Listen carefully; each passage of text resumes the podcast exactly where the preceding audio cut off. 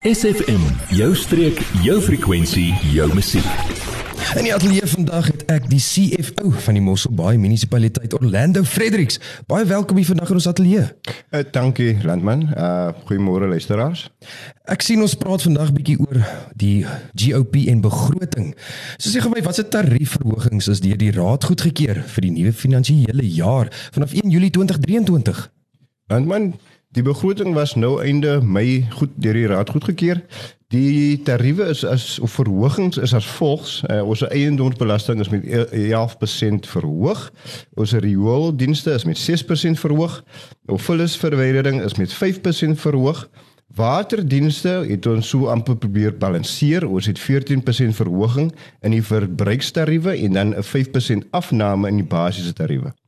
Vir die verbruiker uh, verbruikers wat 30 kW per maand gebruik, sal hulle netto verhoging van 4.11% wees, terwyl 'n verbruiker van 20 kW per maand sal omtrent net 2.8% verhoging sien en dan iemand wat minder as 15 kW gebruik, gaan dan minder uh, betaal as wat hulle vorig uh, vorige jaar betaal het. En dan vir ons elektrisiteitsdienste is daar ook weer dit ons het probeer balanseer met 'n 14.8% verhoging in die verbruikstariewe en dan is en dis nou onderhewig eh, goedkeuring vanaf Nersa en dan was daar uh so amper soos 'n subsidie wat ons betaal. Mm. Ons verhoging wat ons aan aan Eskom betaal is 18.65% terwyl daar ook ons ook 'n 5% afname in ons basiese tariewe gegee het. En ek wil graag by hoor en dink daai luisters wil ook weet waarom is daar 'n verskil in tariefverhogings vir water en elektrisiteitsdienste tussen verbruikstariewe en basiese tariewe?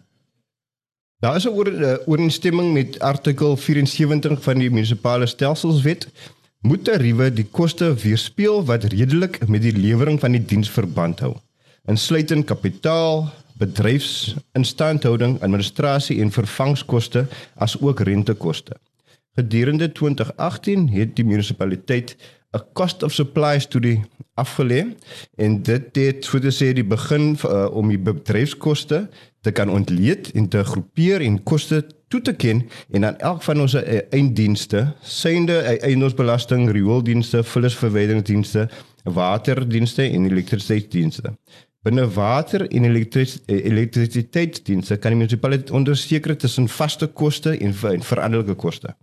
Die vaste koste is nou die koste wat ons as munisipaliteit aangaan ongeag die hoeveelheid diens wat deur die verbruiker gebruik word en bly maand tot maand redelik konstant.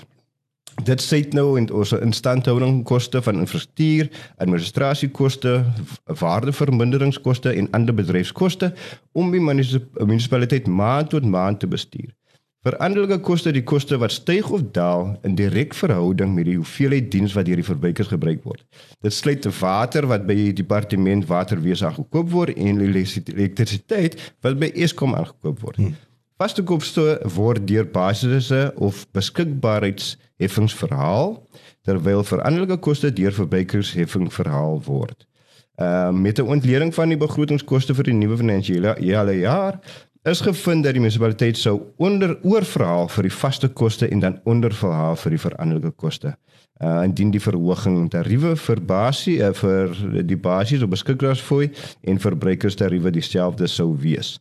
Dis hoekom ons nou dit het, hmm. die verbruikers is is is ehm uh, opgestoot en dan die basis so af is daar afname. En dit uh, die munisipaliteit wou ook die impak van die verbruikers versag deur die basiese op beskikbaarheidstarief vir elektrisiteit met 'n volle 15.1% nerse verhoging te verhoog nie. Word deel van ons Facebookblad vandag nog facebook.com vorentoe skuinstreepie sfm streek. In die in die atleet is nog Orlando Fredericks van die Mosselbaai munisipaliteit ons begraad praat oor die begroting en die GOP. Ons het nou nog gepraat oor die elektrisiteit en die watertariewe. Ek graag by hoor, moet almal 'n water of elektrisiteitsmeter tot die vaste koste bydra? Uh, landman ja, elke eiendom met water of elektriese aansluiting het of wat toegang tot die munisipale infrastruktuur het, behoort by te dra tot vaste koste om dit meer bekostigbaar te maak vir almal. Ehm uh, wat wat met die koste met maar vir almal om te betaal vir die koste wat direk verband het met die werklike koste wat die munisipaliteit moet aangaan om die beskikbaarheid en verseker van die diens. In die verlede het die munisipaliteit spesiale elektrisiteitstariewe vir permanente uh, inwoners gehad uh, waar geen basisheffing gehef is nie, maar waar waar waar die verbruikersheffing 'n gedeelte vir vaste koste ingesluit het. Vanaf 1 Julie 2023 sal hierdie spesiale eendeel tarief nie meer beskikbaar wees nie.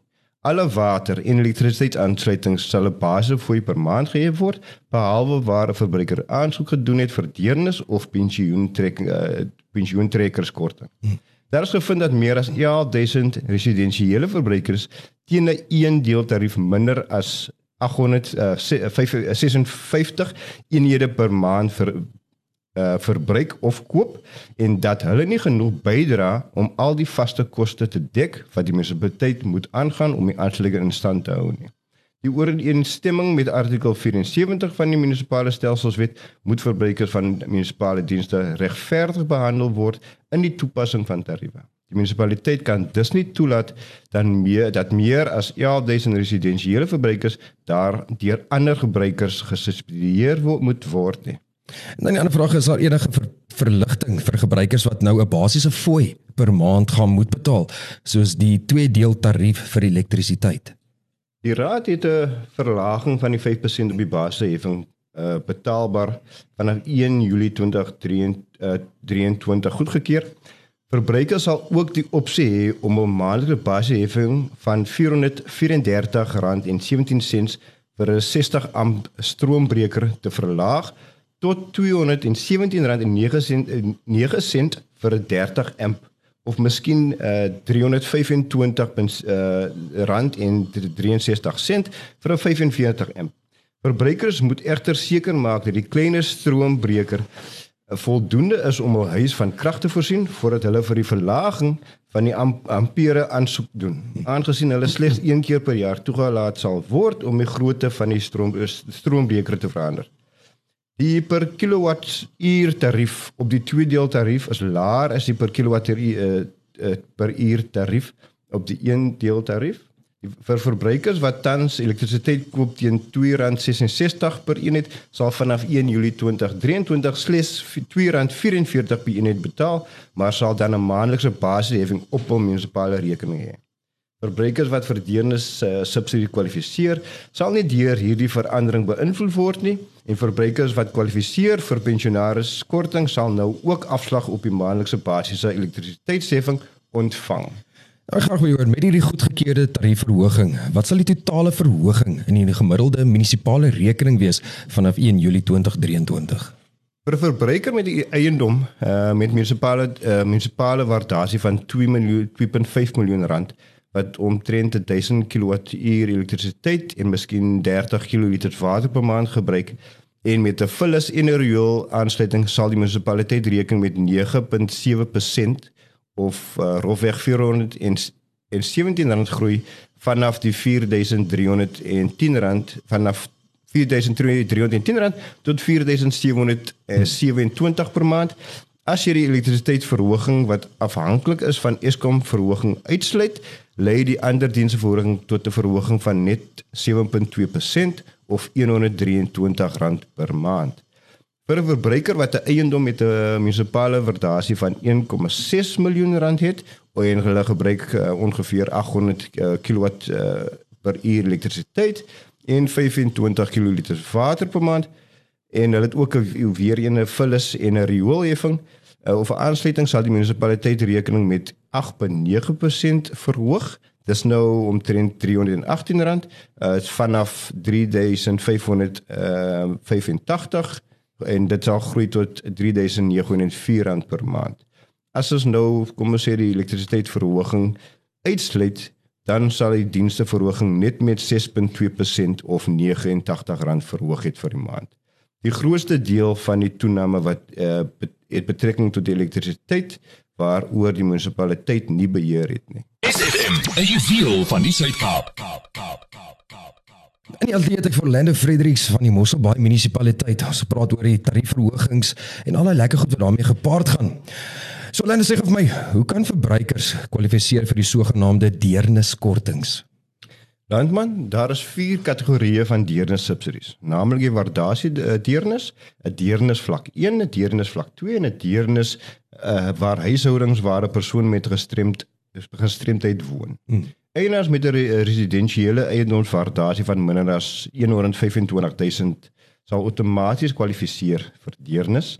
'n Huishouding wat dit uh, voor as 'n deernis vlak 1 huishouding eh, geklassifiseer as hulle aansoek gedoen het en hul huishoudelike inkomste van alle inwoners ouer as 18 jaar minder as R4200 per maand is. 'n Huishouding word as deernis vlak 2 huishouding geklassifiseer indien hulle uh, huishoudelike inkomste van alle inwoners ouer as 18 jaar minder as R8400 per maand is en dan moes op by municipality staan ook alle huishoudings waar 'n gestremde persoon deel is van die huishoudings by indien hulle huishoudelike inkomste van alle inwoners ouer as 18 minder as R8400 per maand is. En watse voordele ontvang hierdie huishoudings? Waardasie deernis, 'n deernis vlak 1 huishouding en 'n huishouding waar 'n persoon met 'n gestremdheid woon, sal 6 kg wa gratis water kry. Hulle sal 50 kWh gratis elektrisiteit per maand ontvang en geen basiese heffings vir water en elektrisiteitsdienste betaal nie. 'n Deernis vlak 2 huishouding sal 6 kg gratis water en 25 kW uh, gratis elektrisiteit per maand ontvang en slegs 50% van die basiese heffing en riooldienste betaal. Dan wil ek graag weer hoor baie baie van ons luisteraars wil ook weet hoe kan verbruikers kwalifiseer vir pensionaris kortings? Landman die Mossel by munisipaliteit staan ook bejaardes by in die vorm van 'n pensioen pensionaris korting op eiendomsbelasting, rioolheffing en vanaf die 1ste Julie 2023 die basiese heffing op elektrisiteit. So 'n pensionaris uh huishouding wat tot R8100 per maand verdien, ontvang 'n 50% subsidie. Terwyl 'n uh, pensionaris huishouding wat tot 4 uh, tot uh inkomste tot R24200 per maand verdien, kwalifiseer vir 'n subsidie van om uh, van 30% onderworpe aan sekere voor uh, voorwaardes. Psst, jy, ja jy. Nou dat ons jou aandag het, vertel jou vriende van SFM en ondersteun plaaslik. SFM maak elke dag 'n goed gevoel dag. SFM. Ons praat nog steeds oor begrotings in die Mosselbaai area. So hulle sê vir my, waar kan huishoudings aansoek doen vir deernis en pensionariskortings? Antman, die munisipaliteit doen 'n beroep op inwoners wat binne die inkomste groepe is om hmm. dit pack Ehm um, hulle nommer is 044 620 4480 te kontak om enige van die Detpack uh, kantore te besoek om te verseker dat die diegene wat op grond van huishoudelike inkomste kwalifiseer kortings op 'n munisipale rekening ontvang volgens die goedgekeurde beleid. En dan wat soos almal graag wil weet, wat wat is die in die proses en watter bewyse het jy nodig wanneer jy aansoek doen? Die rekenhouer moet op die voorgeskrewe aansoekvorm aansoek doen. Die volgende items moet die aansoek vergesel.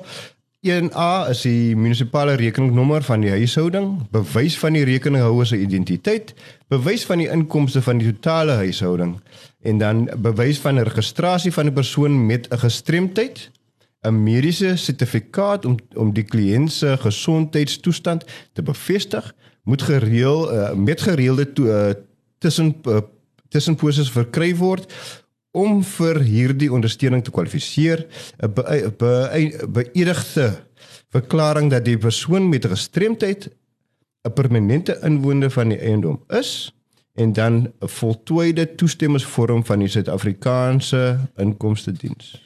Ek sê vir baie dankie vir al die inligting. Ons het in die ateljee gehad CFO Orlando Fredericks van die Mosselbaai munisipaliteit. Ek hoop mense verstaan nou beter dat van 1 Julie af hierdie begrotings nou of alles nou tariewe in werking gaan tree. So nogmaals dankie jy saam met ons om kuier dit vanmôre en ek hoop jy het 'n lekker dag verder. Dankie Lankman en dan wil ek weer eens dankie aan die uh, luisteraars en ons uh, uh mense wat by te bly ons belastingbetalers en ek bedank hulle ook vir die betaling wat hulle op 'n gereelde basis maak ons het dit regtig nodig van sonder hulle kan dienste nie aan aan hulle verskaf word. Nee, verseker. Adverteer jou besigheid vandag nog op SFM. Vir meer inligting skakel SFM gerus by 044 801 7811.